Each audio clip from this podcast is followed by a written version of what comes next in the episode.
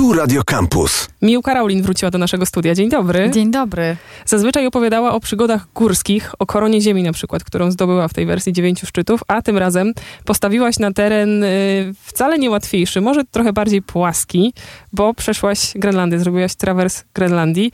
Dużo liczb sobie zapisałam, że 600 kilometrów, że 28 dni, że 90 kilogramów twoje sanie, a ty połowę 94 mniej, nawet. 94, a Miłka drobny człowiek, ale z dużym, silnym charakterem. I to 37 stopni. Jak się odczuwa taką temperaturę? E, Całe szczęście taka temperatura nie była cały czas, e, tylko mieliśmy, że tak powiem, takie, takie poszczególne dni. Jak się odczuwa taką temperaturę, no, trzeba bardzo uważać na odmrożenia, bo w, e, w takich niskich temperaturach, gdzie wieje, jeszcze silny wiatr, to znaczy to trzy- minus 37, a tak naprawdę minus 39, bo rekord to mieliśmy minus 39, e, to jest temperatura odczuwalna. E, Już uwzględniająca właśnie wiatr i wszystkie inne czynniki typu wilgotność. E, Jak się w takiej temperaturze przemieszczać? No nie przemieszczamy się z reguły, staramy się być w namiotach i po prostu nic nie robić, ale no, nie- mieliśmy taką sytuację że w trakcie burzy śnieżnej, gdzie minus 37 chyba nie było, ale było około minus 20 paru, 27, coś takiego, no to y, podczas rozkładania obozu, gdzie trzeba było budować e, ściany y, z, z, z tego śniegu, który, który tam na Grenlandii jest, a jest go sporo, y, to niestety jeden z uczestników wyprawy, James, odmroził sobie trzy palce, więc no, to, to, to nie jest zabawa, nie? To naprawdę trzeba uważać i, i mieć z tyłu głowy gdzieś, że można tak naprawdę po takiej wyprawie zostać kaleką, jeśli się nie zrobi czegoś zgodnie ze sztuką. A ta odzież chroni wystarczająco dobrze? No my sobie wyobrażamy jakieś kurtki puchowe. Wiem, że one są dla was podróżników, ludzi, którzy sięgają po te ekstremalne wyzwania, pewnie dużo lepsze, dużo bardziej profesjonalne, ale czy szłaś w takim poczuciu, że jest ci zimno, czy po prostu było ci okej?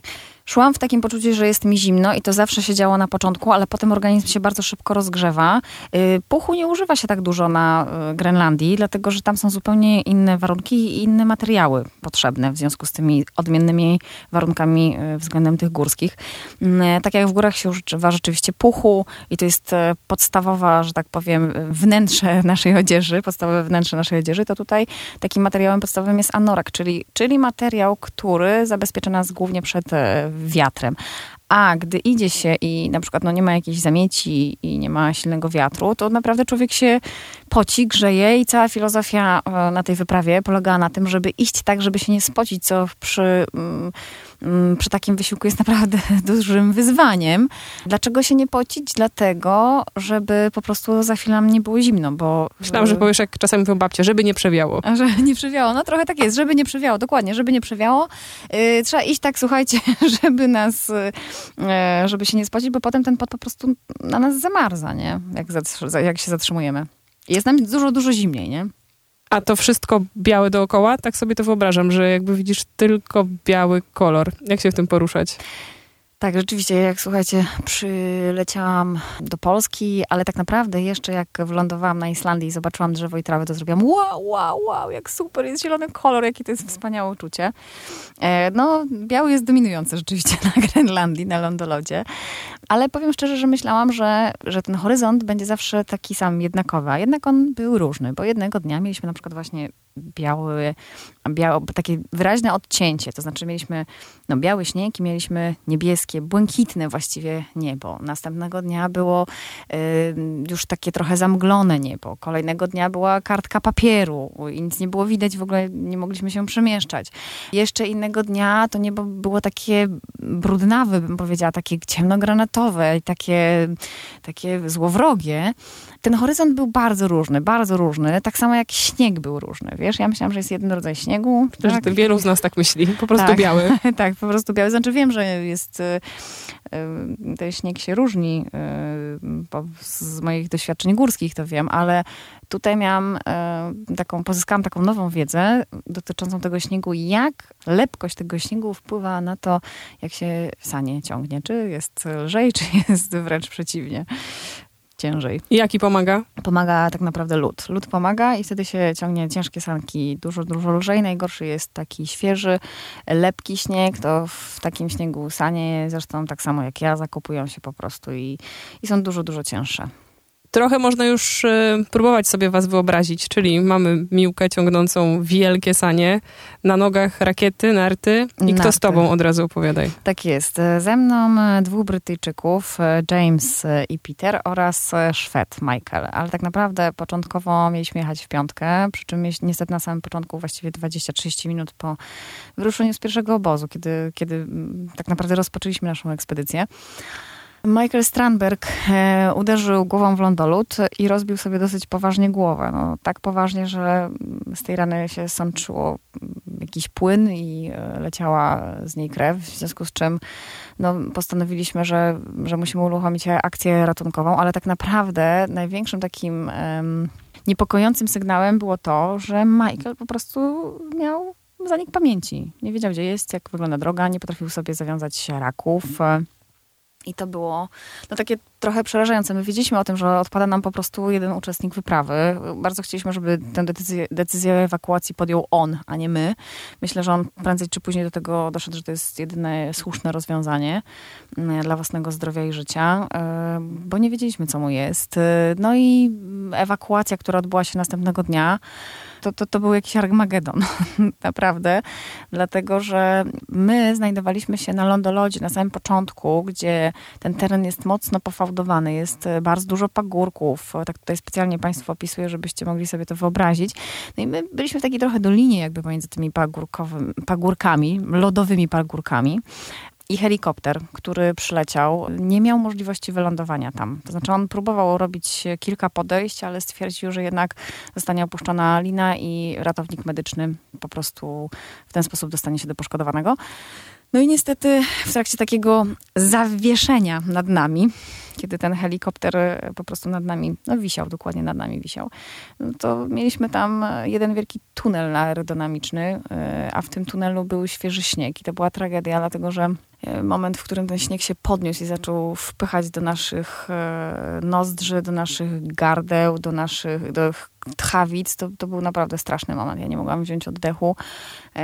Jakoś mi się udało stamtąd wydostać. Potem się okazało, że mam złamany namiot, popękany namiot, nieporwany całe szczęście, no ale namiot Michaela był całkowicie doszczętnie porwany.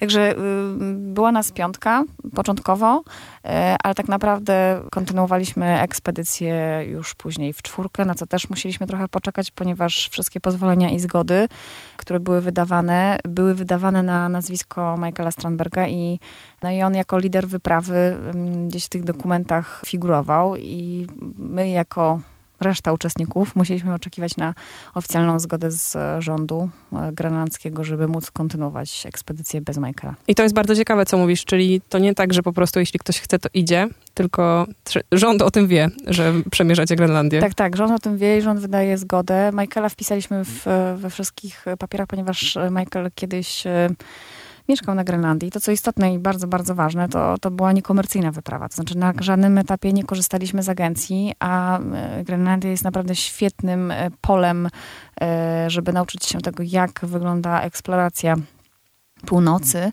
e, no bo ta logistyka i w ogóle mm, przygotowanie do wyprawy to jest naprawdę, to jest gruby kaliber, to jest gruby kaliber i mm, trochę łatwo jest zrzucić wszystko na agencję. Ja zresztą też czasami w, w niektórych wyprawach tak robię, bo na Everest wybrałam się z agencją, na Antarktydę również e, zdobywałam e, z agencją, ze względu na to, że ciężko się tam dostać, ale tutaj postanowiliśmy zespołowo po prostu zrobić to sami i już na etapie samych przygotowań, które trwały ponad rok, ja wiedziałam o tym, że to nie będzie łatwo łatwa wyprawa, że to naprawdę będzie, że to będzie... Myślę, że nie byłabyś samą, gdybyś się na łatwą zdecydowała. No tak, ale wiesz, tak sobie myślisz, no taki kawałek do przejścia, Przecież to, co to tam, 600 no, ale kilometrów to zima okrutna, no. no. zima okrutna, tak, ale to, wiesz mi, to tutaj z poziomu, yy, kiedy ja nie miałam jeszcze tego doświadczenia, kiedy nie miałam tej wiedzy, to tutaj z poziomu yy, tego, yy, jak sobie oglądałam w internecie różne zdjęcia, czytałam o tym, to nie wydawało mi się to bardziej straszne niż to, co do tej pory robiłam. Więc y, skala trudności tak szacowałam no pewnie będzie jakaś szóstka. No a się okazało, że pierwsze dni to nie była szóstka, tylko to była taka dobra dycha, bo, yy, bo te sanie rzeczywiście, które były koszmarnie ciężkie, 94 kg, ja 50 kg, yy, no one mnie po prostu tam wbijały po prostu w, w to podłoże i to nie było śmieszne, dlatego że wszystko, słuchajcie, mnie bolało. Gdy kładłam się do namiotu e, i próbowałam zasnąć w swoim śpiworze, najpierw uprzednio próbując się jakoś tak naprawdę ułożyć, to, to, to, to była gimnastyka. Jak I rozłożyć położyć? chyba namiot też w różnych warunkach. No, to, to już jest inna no. rzecz, ale ja mówię już o samym momencie jakby wchodzenia do tego śpiwora, żeby żeby, żeby nie czuć bólu. No, pierwsze dni były trudne, naprawdę trudne. A jakie znaczenie ma ten zespół? Czy to jest, była piątka, a potem czwórka ludzi, którzy marzyli o tym, żeby przejść Grenlandię, czy dobierana jakoś tak e, specjalnie pod kątem predyspozycji czy umiejętności, które macie? Wiesz co, to, to niestety jest z reguły loteria. Bardzo się cieszę, że w tej loterii wygrałam naprawdę dziesiątkę. Nie wiem, co piątkę. powiedzieli ci panowie, jak zobaczyli taką drowną kobietę. Oni myślę, że trafili. mogli powiedzieć to sami, bo mają absolutnie świadomość e, tego, że ja, no, że tak powiem, no nie, nie, nie, nie musieli na mnie czekać. Nie musieli na mnie czekać i ja dorównywałam im w, tej wyprawie, w trakcie tej wyprawie. Oczy, oczywiście tutaj się przyznaję bez bicia, słuchajcie, na początku rzeczywiście było tak, że, że, że oni spowalniali tempo, żebym ja mogła chociażby odpocząć, ale potem to naprawdę to ja byłam szybsza niż oni. Więc jak się dobiera taki zespół? No więc I po co się jest... w ogóle to robi? Wiadomo, że samej no to chciałam powiedzieć łyso, no ale raźniej pewnie w grupie, ale jakie znaczenie mają ci ludzie w tej wyprawie? Mają bardzo dużo. E, mają bardzo duże znaczenie, dlatego że od tego, jak, jakie umiejętności każdy z nas ma, zależy od tego tak naprawdę, czy my przetrwamy na, na takiej wyprawie, czy my będziemy musieli na przykład wzywać pomoc z zewnątrz, e, jak jesteśmy przygotowani. A to, jak jesteśmy przygotowani, zależy od tego, jakim jesteś człowiekiem tak naprawdę, jak podchodzisz do przygotowania do takiej wyprawy, do takiej ekspedycji. Twoje umiejętności, nie wiem, takie skille, nie? Nie wiem, no ja jestem inżynierem, e, miałam dwóch pilotów, e, oni wiedzieli, jak przygotować stanowisko pod lądowanie helikoptera, wiedzieli, gdzie to stanowisko przygotować. No trochę nas tutaj zaskoczył ten opad śniegu poprzedniego dnia i ten śnieg, który się po prostu tam podniósł tak strasznie. Ale mm, taką wiedzę oni posiadali. Mieliśmy y, Szweda, Michaela, który naprawdę mm, dla mnie osobiście charakteryzował się bardzo dużą wytrzymałością takim spokojem. No, to było fantastyczne w ogóle mieć taki zespół. Ja uważam, że w ogóle mój zespół, mimo wszystko, że był tak naprawdę zbierany no, z różnych części świata, to był rewelacyjnie dobrany. Ja nie wyobrażam sobie w ogóle e, podróżowania w innym zespole, z innymi ludźmi. Ja się czułam bardzo komfortowo. Nikt nikogo nie poganiał, nikt nikogo nie pospieszał. E, mieliśmy czas na dyskusje. Rzeczy istotne były obmawiane, tak, czy planowane. To był po prostu zespół. I, ale wiem jednocześnie, że można różnie trafić, że trafiasz na frustrata, który po prostu na kogoś się drze, albo trafiasz na gościa, który jest jęczący i marudzący tu była totalna kooperacja, totalna współpraca. Myśmy się tak cudownie dopasowali, że jejku, no teraz jak sobie o tym pomyślę, to naprawdę fantastyczny zespół, fantastyczny. A jest też jakaś część zadania, która polega na takim mentalnym wsparciu w takiej drużynie? Oczywiście, naturalnie, bo to każdego dnia coś komuś doskwiera. No jeden ma odmrożenia, tak? Odmroził sobie, odmroził sobie palce. Trzeba, oprócz tego, że trzeba mu pomóc, nie wiem, buty zawiązać, to, no to tak naprawdę to, to też elementem wyprawy jest takie wzajemne cieszenie się, podnoszenie się na duchu, ale nie użalanie się nad sobą, bo to jest duża różnica. Tylko po prostu w odpowiednim momencie się podchodzi do takiego człowieka, słuchaj, damy radę, jesteśmy tu wszyscy razem, będziemy sobie pomagać, nie martw się, yy, jakoś to zorganizujemy. To jest, kurczę, to jest naprawdę bardzo ważny element, bardzo ważny. I, i on był świetnie w ogóle znaczy, no po prostu my tam tak fantastycznie współgraliśmy. Teraz jak o tym opowiadam, to sobie myślę, że naprawdę idealna mi się ta drużyna trafiła. Ale to jest loteria, tak jak mówię, nie? Próbuję sobie wyobrazić, chociaż to wiadomo trudne, takie 28 dni marszu, trudnego fizycznie. No i to też nie jest chyba spater, w którym można sobie swobodnie rozmawiać. Jakby co się robi, co się dzieje w głowie, kiedy się cały dzień idzie, ciągnie ciężkie sanie i zmierza do jakiegoś punktu, pokonując różne atmosferyczne i nie tylko przeciwności? Myśli, w zależności od tego, jaka jest pogoda, to te myśli krążą e, wokół różnych zdarzeń z naszego życia. Jeśli jest na przykład e, super właśnie słoneczko, komfort, nie musisz z niczym na miejscu walczyć, e, a nie z zimnem, ani z wiatrem, ani z, z, z, orientacją, bo musisz przecież cały czas prowadzić, nawigować, to tak naprawdę te, te, myśli, słuchaj, tak niesamowicie sobie wędrują w jakieś fajne miejsca. Czyli na przykład ja, ja byłam, na, na, siedziałam sobie na leżaku i czytałam sobie książkę i piłam wino. Y, one są bardzo intensywne, te myśli i one potrafią krążyć wokół jakiegoś zdarzenia, oczywiście wymyślonego. Po prostu tak sobie człowiek różne rzeczy wyobraża. Krążą te myśli wokół rodziny no, znaczy moje myśli kręci, krążyły wokół rodziny e, i jakichś takich przyjemności, fajnych rzeczy, albo jakichś takich kolejnych wyzwań, co chciałabym zrobić, miłych, przyjemnych rzeczy. Jeśli e, była zamieć śnieżna, jeśli była bardzo zła pogoda, no to rzeczywiście te myśli krążyły wokół zadań, które ja mam wykonać. To znaczy, y, w mojej głowie y, działy się różne scenki, które dotyczyły y, wzajemnej komunikacji pomiędzy nami jako partnerami zespołu, nie? Także ta, ta, taką zauważyłam zależność, w zależności właśnie od pogody, no, że te myśli są albo takie bardzo, bardzo dalekie, odbiegające, albo one są skoncentrowane na tym, co jest tu i teraz. A wyznaczyłaś sobie jakąś nagrodę? Co będzie, jak dojdziesz do celu i się uda? Czy ja miałam jakąś nagrodę? Wiesz, samo dojście do celu było nagrodą po tylu dniach. Więc y, wiesz co, nie.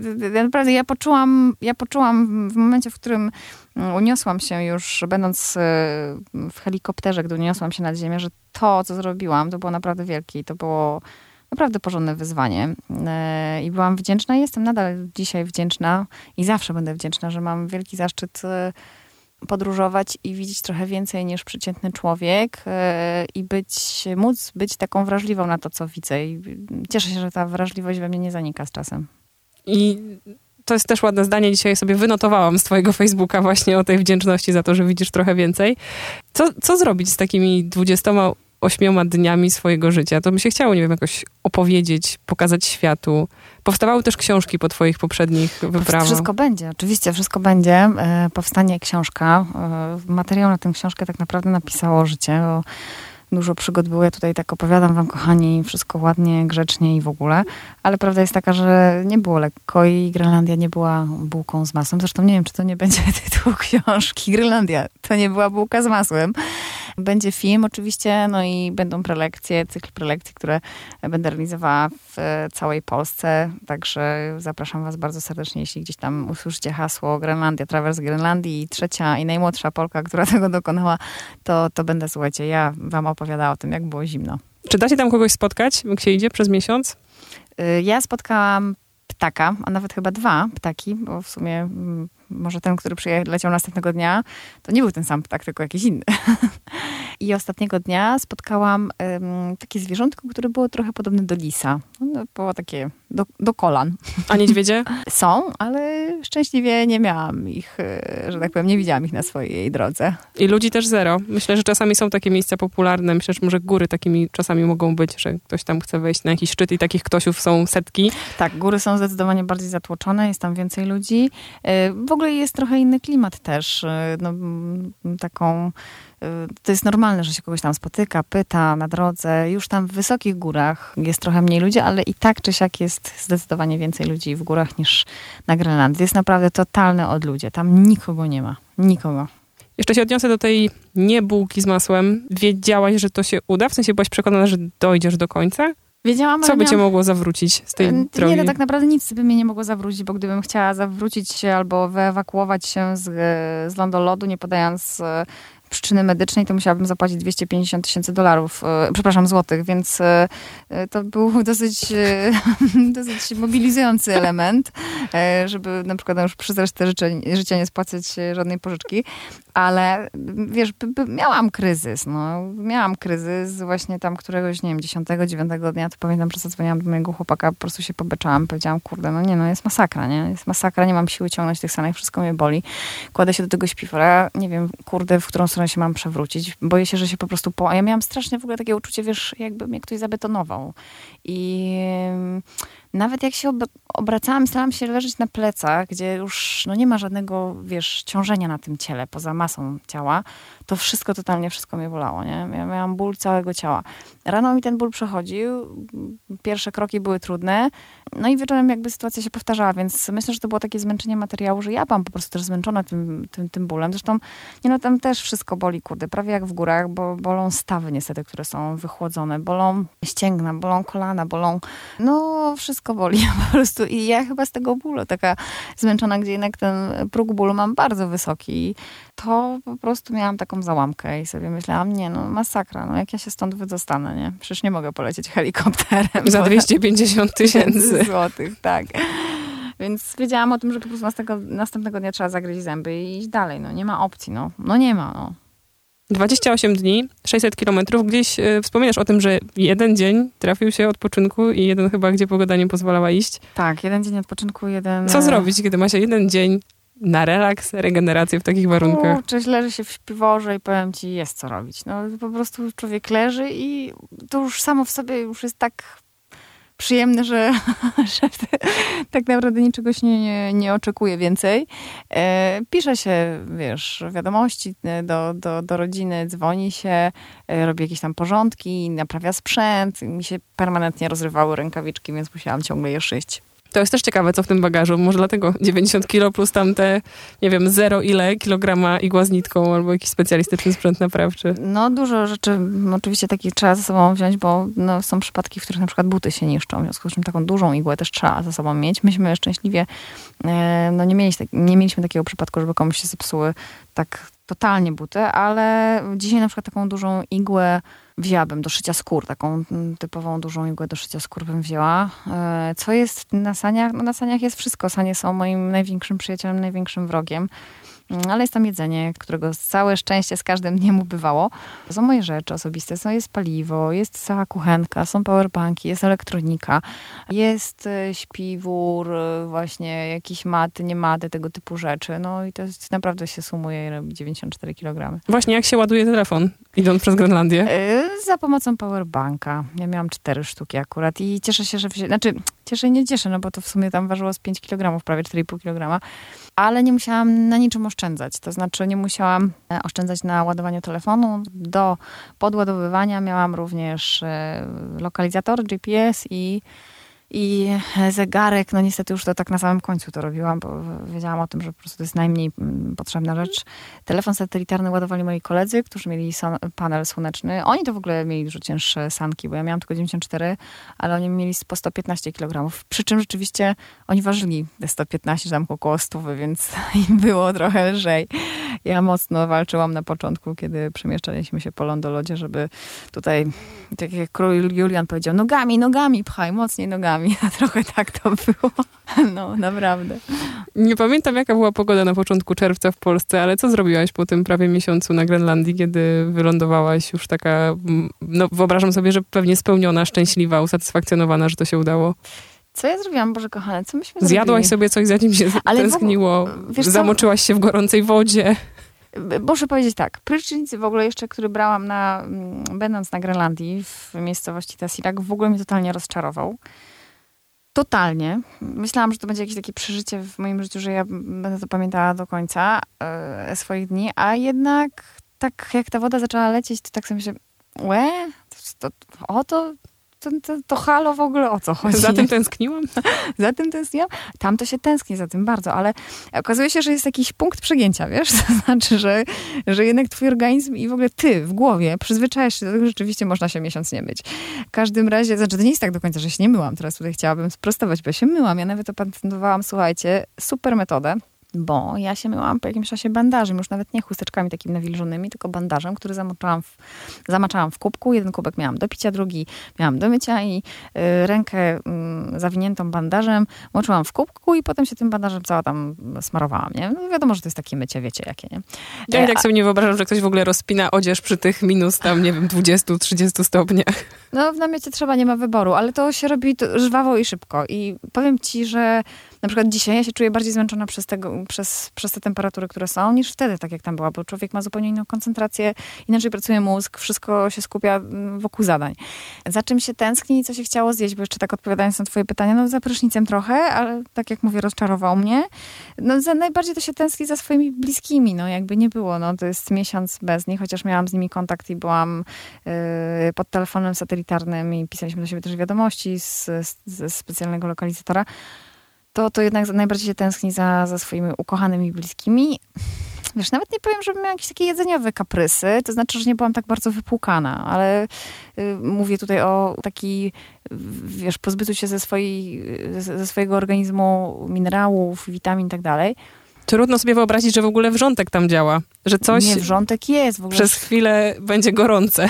Będzie, będzie, jest. W termosie jest naprawdę gorące i, i, i przez, y, y, jeśli nie jest tak totalnie zimno, to w namiocie też jest tak, że wiesz, no ja mogłam się, wiadomo, że było mi zimno na samym początku, ale potem organizm się przyzwyczaja. Ja normalnie wykonywałam przy minus 14 operacje wszystkie związane z namiotem, czy z kuchenką. Było minus 14, ja wiedziałam, że jest minus 14 i ja mm, wszystko robiłam takim, wiesz, albo w cienkich rękawiczkach, albo gołymi e, rękoma, bo się tak przyzwyczaiłam do tego chłodu. A masz w głowie jakiś taki przeciwstawny pomysł? Nie wiem, może teraz przez pustynię, w coś ciepłego, gorącego, innego? W ogóle totalnie myślę, że to jest w ogóle nie przestrzeń dla mnie. Ja się za bardzo y, po prostu męczę w takich y, warunkach bardzo gorących i też myślę, że w ogóle y, obecność w miejscu, w którym tak naprawdę musisz się pozbyć tego ciepła z własnego organizmu jest dużo trudniejsza niż musisz się ogrzać. No bo tak jak tutaj na przykład jak jest zimno na Grenlandii, możesz coś ewentualnie ubrać, zacząć się ruszać, tak? I jakoś tam to ciepło zacząć wytwarzać, to w jaki sposób człowiek może się ochłodzić. No, może się tylko wypocić albo e, wlać w siebie coś zimnego, żeby tą temperaturę ciała obniżyć. I myślę, że to jest dużo bardziej e, po prostu niekomfortowe. Nie wiem, ja tak wiesz, no lubię dyskomfort do pewnego momentu i też tak się zastanawiam, dlaczego ja sobie robię takie karby, na przykład bardzo lubię jeść, a tam jadło się cały czas e, liofilizaty. No, nie mam na razie pomysłów związanych z e, ciepłymi klimatami, bo ja po prostu lubię, jak jest zimno. W sensie nie lubię aż tak bardzo, jak bardzo takie zimno jest, ale tak lubię, jak trochę zimno. Jest takie pytanie, które zazwyczaj się zadaje na początku i ono mniej więcej brzmi, skąd pomysł albo co cię skłoniło. No jak ty wybrałaś tą Grenlandię? Y, wcześniej były góry i co ci się teraz marzy i czy w ogóle już myślisz o tym, żeby znowu coś takiego dużego robić? Tak naprawdę Grenlandia przyszła do mnie sama, dlatego że w 2019 roku poznałam Michaela właśnie Strandberga. No i początkowo miałam pomysł, żeby pójść na biegun i Michael mówi, kurczę, to może razem pójdziemy na ten biegun. A ja mówię, no dobra, ale czas leciał, zajmowaliśmy się swoimi rzeczami. Ja mówię, wiesz co, może byśmy pojechali najpierw na Grenlandię, sprawdzić się, jak my na tej Grenlandii tam funkcjonujemy. Ja mówię, dobra, okej. Okay. No i te, tak naprawdę Michael zaczął kompletować ten zespół, bo to byli jacyś jego znajomi, ci, z którymi tak naprawdę ja podróżowałam, bo Michael sam nie, nie, nie, nie doznał tego zaszczytu. I tak przyszła, przyszedł pomysł na Grenlandię, no więc ta Grenlandia przyszła do mnie, nie ja do niej, tylko ona przyszła do mnie, a pomysły na kolejne wyprawy są bardzo poważne i bardzo duże. No ten biegun w takim razie zostaje. E, tak, trochę... Pomidor. Pomidor, właśnie. Pomidor, ale ja wychodzę z założenia, do, że do takich wypraw trzeba być porządnie przygotowanym i zawsze dokładam wszelkich starań, żeby, żeby po prostu, żeby było wszystko porządnie dopięte na ostatni guzik i tak naprawdę, żeby wyprawa zakończyła się sukcesem, no bo to tak naprawdę o to chodzi. Nie tylko dla mnie. Jest to wtedy moment, że mogę powiedzieć, tak, super, udało się, zrobiłam coś fajnego, ale jest to też istotnie dla moich partnerów, o których, jeśli mi pozwolisz, chciałabym wspomnieć i bardzo im serdecznie podziękować, dlatego że, kochani, wszystkie szalone pomysły można realizować e, jeśli są takie wysokobudżetowe, a niestety te wyprawy są wysokobudżetowe, no dzięki firmom, które mm, mają otwarte serca i mają pasję po prostu, mają pasję i rozumieją tą pasję. I ja chciałabym podziękować firmie Katalog Marzeń, e, z którą mam zaszczyt e, działać, współpracować już od kilku lat. Katalog Marzeń był sponsorem strategicznym mojej wyprawy i firmie Bałkrane, która również była sponsorem strategicznym. No kochani, bez was to po prostu nic by się nie wydarzyło. oraz firmie Herba Pol Lublin, która była sponsorem wspierającym. Trudno realizuje się wielkie projekty. Mm, Jest to praktycznie niemożliwe, gdyby nie wsparcie sponsorów. Bardzo się cieszę, że są e, media, takie jak wasze radio, w których ja mogę swobodnie powiedzieć nikt nie mówi, że to jest reklama. No oczywiście, że to jest reklama, bo ja mogę przyjść i opowiedzieć Państwu o takich niesamowitych rzeczach i o tym, e, co tam się działo i jak to wygląda właśnie dzięki moim partnerom. Ale i tak takie szerokie spektrum nam pokazujesz i właśnie to zaplecze finansowe, biznesowe, logistyczne, to ludzkie, że gdybyś może nie poznała Michaela i nie zaczęły się te rozmowy o biegunie przez Grenlandię, tak, tak. to być może ciebie by tam nie było. No więc jakby dziękujemy za tą e, panoramiczną opowieść, chociaż e, myślę, że spokojnie kilka tomów można z tego zrobić, albo odcinków jakiegoś serialu, albo nie wiem, dużą wystawę i dużo jeszcze innych treści i pytań pewnie się w głowie urodziło. Miłka Raulin, dziękujemy. Dziękuję pięknie, kochani, cudownego dnia. Same sztosy. Campus.